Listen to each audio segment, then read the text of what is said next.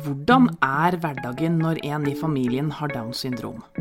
Nybakte foreldre til barn med Downs syndrom stiller seg ofte det spørsmålet hvordan blir livet nå? I denne podkasten møter vi tre foreldrepar i tre forskjellige faser i livet. Felles for foreldrene er at de har et barn med det lille ekstra. Du får møte Gjøri og Marius, Turi Anne og Kjartan og Brita og Kurt. Og nå skal du få bli bedre kjent med Turi Anne og Kjartan. De har jenta Annie med Downs syndrom. Hun er fire år i denne episoden. Sammen med Turi Annes sønn Ola bor de fire i et hus nord for Lillehammer sentrum med nydelig utsikt over byen. Utenfor døra står det skiutstyr på rekke og rad. Og innenfor bor det en hyggelig familie. Hei. Stikk på. Hei, har jeg kommet riktig, ja? Det er du. Så bra. Hei. Hei, Liv Erik. Kjartan. Hei, Liv Erik. Takk for at jeg får komme. Der er jo veslejenta, jo. Ja. Skal du komme og si hei, Anni? Vi setter oss i stua, og Annie sitter trygt plassert mellom mamma og pappa. Hun kikker forsiktig på den fremmede som er på besøk. Turi Anne og Kjartan begynner med den vanskelige beskjeden. De hadde fått vite at fosteret i magen hadde Downs syndrom. Fordi at jeg er såpass voksen at jeg fikk tilbud om en sånn tidlig ultralyd. Og uten å egentlig tenke noe mer om jeg bør eller skal eller ikke skal, så gjorde jeg det bare. Og så fant de jo ut eh, at, at fosteret hadde en sånn litt stor nakkefold, da. Så da ble jeg jo sendt videre til Rikshospitalet for videre undersøkelser på det, og fikk jo samme, be, samme bekreftelsen der. Og så fikk jo vi da tilbud mens vi var der inne på. Rikshospitalet om å, å ta en sånn eh, morkakeprøve. Ja. Og det er sånn stikk med nål gjennom magen og inn i morkaka og, og ta ut. Og da gjorde han det, og så, skulle, det- og så dro vi hjem igjen, og da tok det en uke før vi fikk svar på det. Den uka var lang, og samtalene ble mange. Begge to håpte i det lengste at fosteret ikke hadde Downs syndrom. Det var en tøff uke. Det var, da var jeg, jeg var jo på jobb den uka, og jeg gikk jo bare og venta på den telefonen hele tida. Så det var jo ikke mye som ble gjort. Det var, det var tøffe tak, og det var mye tårer, og det var mye ja, Så var det liksom Det var ikke Spenning. helt avklart heller, men det var stor sannsynlighet. Ja. Og mest sannsynlig så var det jo det. Men jeg husker jeg tenkte at jeg, liksom, jeg håpte jo at det var fremdeles var ja, At det ikke var Vi dans, levde jo fortsatt i det lille håpet da, om at det ikke var. Men så kom Mm. jo den beskjeden, og det var tøft, altså. Skikkelig tøft var det. Mm. Så da bare ringte jeg til han og sa at nå drar vi bare hjem. Jeg orker ikke være her. Ja, du var, du var lei deg når du ringte meg, da. Ja. Hvordan var det for deg å få den telefonen? Det, det var jo en Jeg ble jo lei, jeg ble veldig lei meg, det gjorde jeg. Mm. Men samtidig jeg var jeg jo forberedt på det. på en måte. Altså, jeg hadde jo gått å jobbe litt med at det, det er jo sannsynlig at eh, en får den beskjeden. så Men vi greide litt. Og var, Ja, det var tøffe da. Det var tøff ja, tid. det var en, altså. var en soppprosess. Det var det. Ja, det var det virkelig. Turianne er usikker. Klarer hun dette? Klarer det ferske forholdet dette? De hadde jo kun vært sammen i ett år. I tillegg bar hun på en skyldfølelse. Vi hadde vært sammen et år eller noe sånt. Og så er det jo stor aldersforskjell med oss. Jeg er jo 15 år eldre enn han. Det egentlig det første jeg tenkte mye på, var at jeg veit ikke om jeg tør å ta sjansen på å bli aleine igjen. For jeg hadde jo vært aleine med Ola da i fem år. og Sjøl om jeg følte at jeg kjente Kjartan godt, så hadde vi bare vært sammen et års tid. Og, og med den aldersforskjellen og så tenkte jeg at herregud, dette kan jeg bare ikke ta sjansen på. Så det var mine første tanker. Og så og så hadde jeg egentlig veldig skyldfølelse, på en måte. For jeg, med min alder så tenkte jeg at dette er min feil. Nå legger jeg noe på han som jeg kanskje ikke burde gjort. For jeg, jeg var helt sikker på egentlig at dette var min, min skyld. Så jeg følte vel at jeg la noe på han som jeg ikke burde gjøre, da.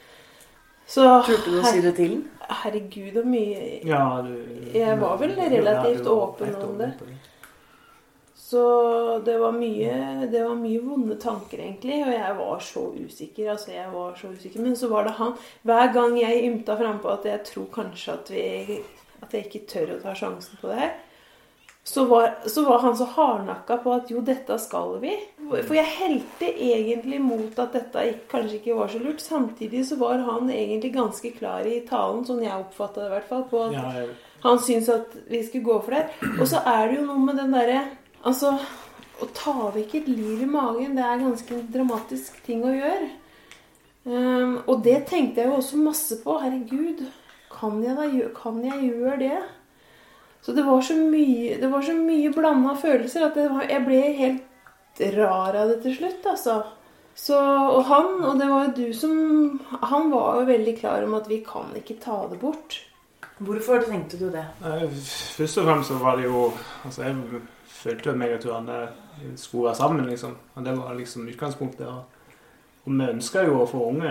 Det er jo ikke noe å legge skjul Nei, på. det var jo sånn Det var jo ikke noe å legge skjul på det. eh, jeg tenkte jo at ehm, Altså, jeg hadde jo trua på oss. og Det var liksom utgangspunktet. Og jeg hadde jo ikke med samme følelse som hun hadde det i forhold til aldersforskjell, at det var problematisk på samme måte som hun gjorde.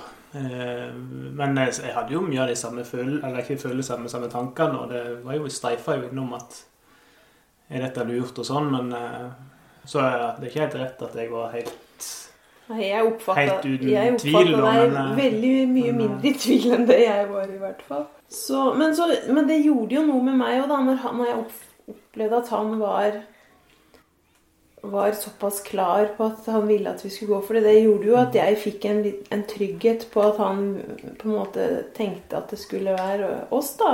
Det, så, så det så, så eh, det tok vel ikke mer enn noen dager før vi egentlig hadde bestemt oss for at vi skulle I hvert fall tenkte på at vi Ja, ja vi hadde vel egentlig bestemt oss for at vi skulle gå for det, da. Det endelige vendepunktet kom etter gode samtaler med fagfolk ved Oslo universitetssykehus.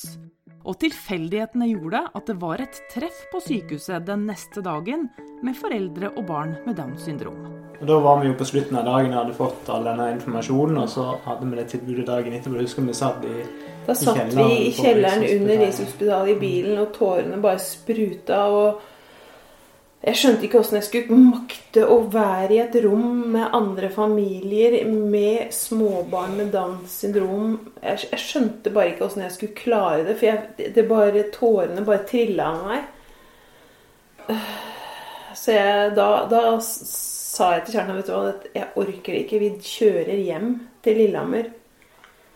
Men så var det hans klare hode igjen, da. Som sier at Som sier at uh, Vi gjør det bare. Det gjør ingenting om det kommer noen tårer. Og det, vi har ingenting å tape på å gå dit. Og det, det, altså det, det var den dagen alt snudde.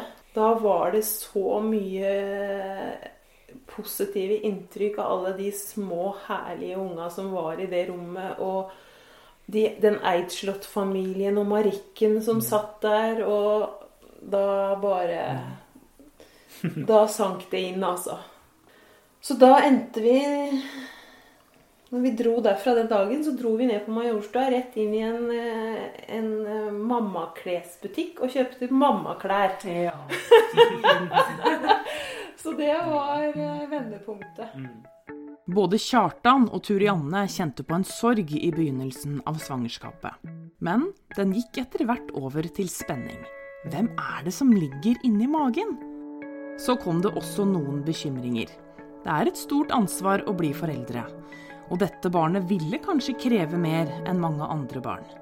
Kjartan tenkte hvordan skulle han klare å bli alt det den lille jenta ville ha behov for?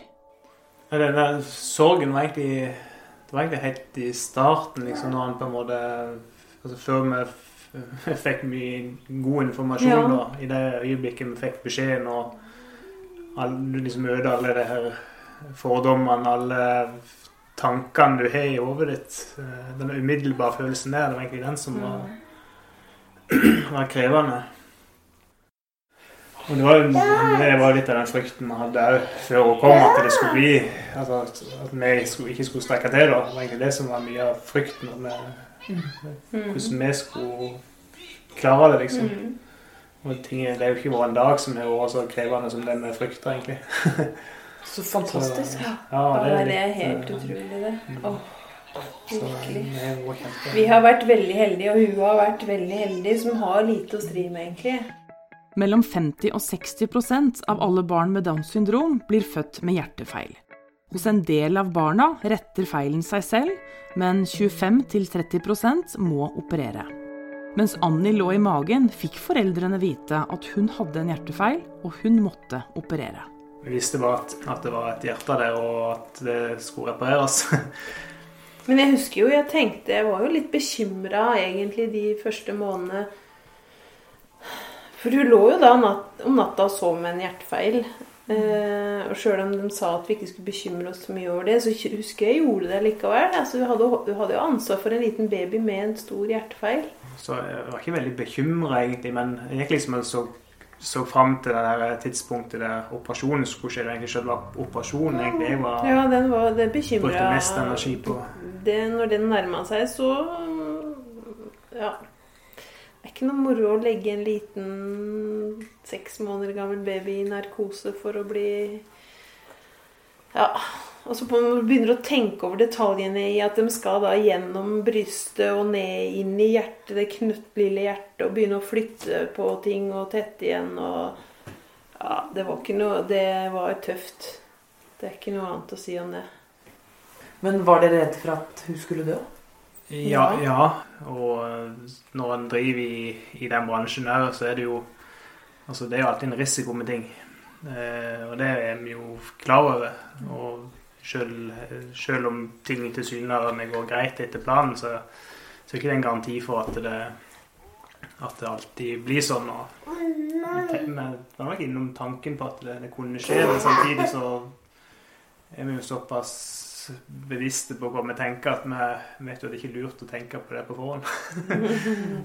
det jeg husker bare Vi begynte å snakke om hva vi skulle gjøre mens vi opererte, og da Ja. endte vi opp med å reise på Ikea. Vi dro på Ikea, av alle ting. Så det er egentlig, det er egentlig, det er egentlig første gang jeg opplevde det som OK å komme på Ikea. Ja, det gjorde vi. Vi dro på Ikea. Det kom sikkert en lege til dere og fortalte at det har gått bra. Ja, vi Mm. fikk telefon om det. At nå er det ferdig, og det har gått fint. Hvordan var det? Det var, det var lettelse. Ja, det var Veldig lettelse. Åh, Gud. Så da Da fikk vi, og da var det bare å gå og dra opp på operasjonsstua. Og der lå hun da, akkurat som vi var forespeila. I helt eh, Jeg håper sagt i helt sovende tilstand. Og med slanger i alle stand. I bryst og i nesa og huet og armer og alt. Det var masse slanger og ledninger og apparatur. Men det visste vi, for vi hadde, det synet hadde vi sett før. Så Og så Ja. begynte vi begynte å forberede, de begynte å forberede oss på hvordan vi skulle stelle soverne. Sånn når hun kom hjem og, og den beden der. Og da flytta vi liksom fokus over på, ja. På sånne ting, da. Operasjonen var vellykket, og Annie er ei frisk og aktiv lita jente. Livet hos familien på Lillehammer har for lengst gått seg til, men det er noen bekymringer som ikke vil slippe taket. Jeg, jeg tenker jo, og Det er jo egentlig det jeg tenker mest på nå, per nå. Altså den bekymringen på Tanken på at hun nok aldri vil klare seg helt sjøl, og alltid er avhengig av noen i livet sitt for, å, liksom, for at hun skal få ja, komme seg gjennom livet. Da. Det er vel det som bekymrer, eller som jeg tenker mest på nå. Og En ting er den småbarnsperioden som du har vært igjennom og er i nå. Da for da, jo, da er du i barnehage, det er trygt, og de organiserer dem og leker, får dem altså, kan bygge opp under noe sånn samspill og lek og sånn. Men når du kommer på skolen, og det begynner å bli mer sånn Ikke nødvendigvis lek, men mer, mer sånn prat og kommunisere på en helt annen måte enn du gjør i barnehagen, da, da, da, er jeg veldig spent på hvordan det vil bli. Om hvordan det blir da med venner og Skolestart nærmer seg. Noen foreldre tenker at det kan være lurt å utsette skolestart til barna er mer selvstendig, har kommet lenger i språkutvikling eller rett og slett er mer modent. Men det sosiale er også viktig. Hva er vel tryggere enn å starte sammen med venninnene fra barnehagen? Det er jo det neste spørsmålet. Det har vi jo drevet og tenkt litt ja. på, men, vi har, men foreløpig er vi veldig på det at hun kommer til å begynne sammen med de For hun har akkurat hennes årskull i barnehagen, der er det mange jenter som hun har, hun har det veldig fint sammen med. Så det er litt viktig at hun begynner sammen med, med de som hun føler seg trygg på. Men barnehagen der oppe er ganske liten, så det er relativt Ja. få folk der. Mm. Har Fått, uh, fått god Hun har veldig god kontakt, Kontakt med, med- jentene der. Er veldig flinke til å Ja. ta henne med seg. Ja. Så vi tenker at det er viktig. Ellers så kan det, kan det godt hende at du hadde hatt godt av å vente et år, for de, de er jo seine i utvikling, så men, men jeg tenker at om vi venter et år, så vet jeg ikke om hun, hun er jo fortsatt etter. Og så åtte. Bra. Kanskje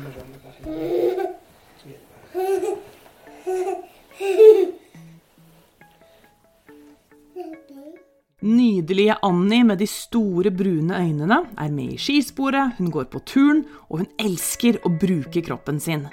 Turi Anne ser tilbake på det som en gang var et vanskelig valg. Det går jo nesten ikke en dag hvor jeg tenker at herregud, altså, tenk om, tenk om vi hadde gjort noe annet enn det vi gjorde. Så mye som den jenta gir oss av glede Ikke sant? og er jo verdens herligste lille frøken. Mm. Så det er. Nei, det Den tanken slår meg hver eneste dag, altså. Så hun var. Hvor hun var, ja. I senga vår? Nei. Nei. Oppi skittentøyet. Ja. Under lokket. Under lokket. Ja. Hun fant ut av det i går. Ja, i går. Oh, ja, jo det. Gjemte du deg? Men du, vil du ha iPaden din? Skal vi se om vi finner den? I dette opptaket var Annie fire år.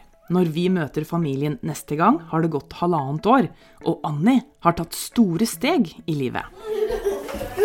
Nå må du, nå må du springe fort pappa.